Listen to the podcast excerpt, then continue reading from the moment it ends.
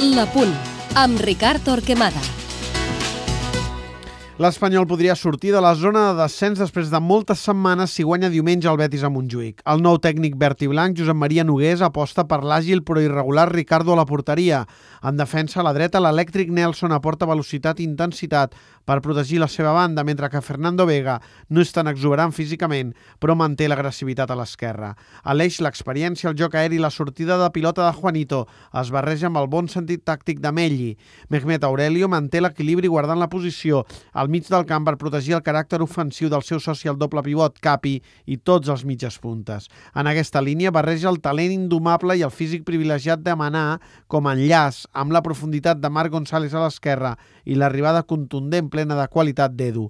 Tots ells per darrere d'Oliveira, un rematador amb molts recursos pel bon domini de les dues cames i per la seva velocitat en espais oberts. El Betis necessita punts per segellar la permanència, però l'Espanyol cada dia té més a prop la salvació si continua guanyant.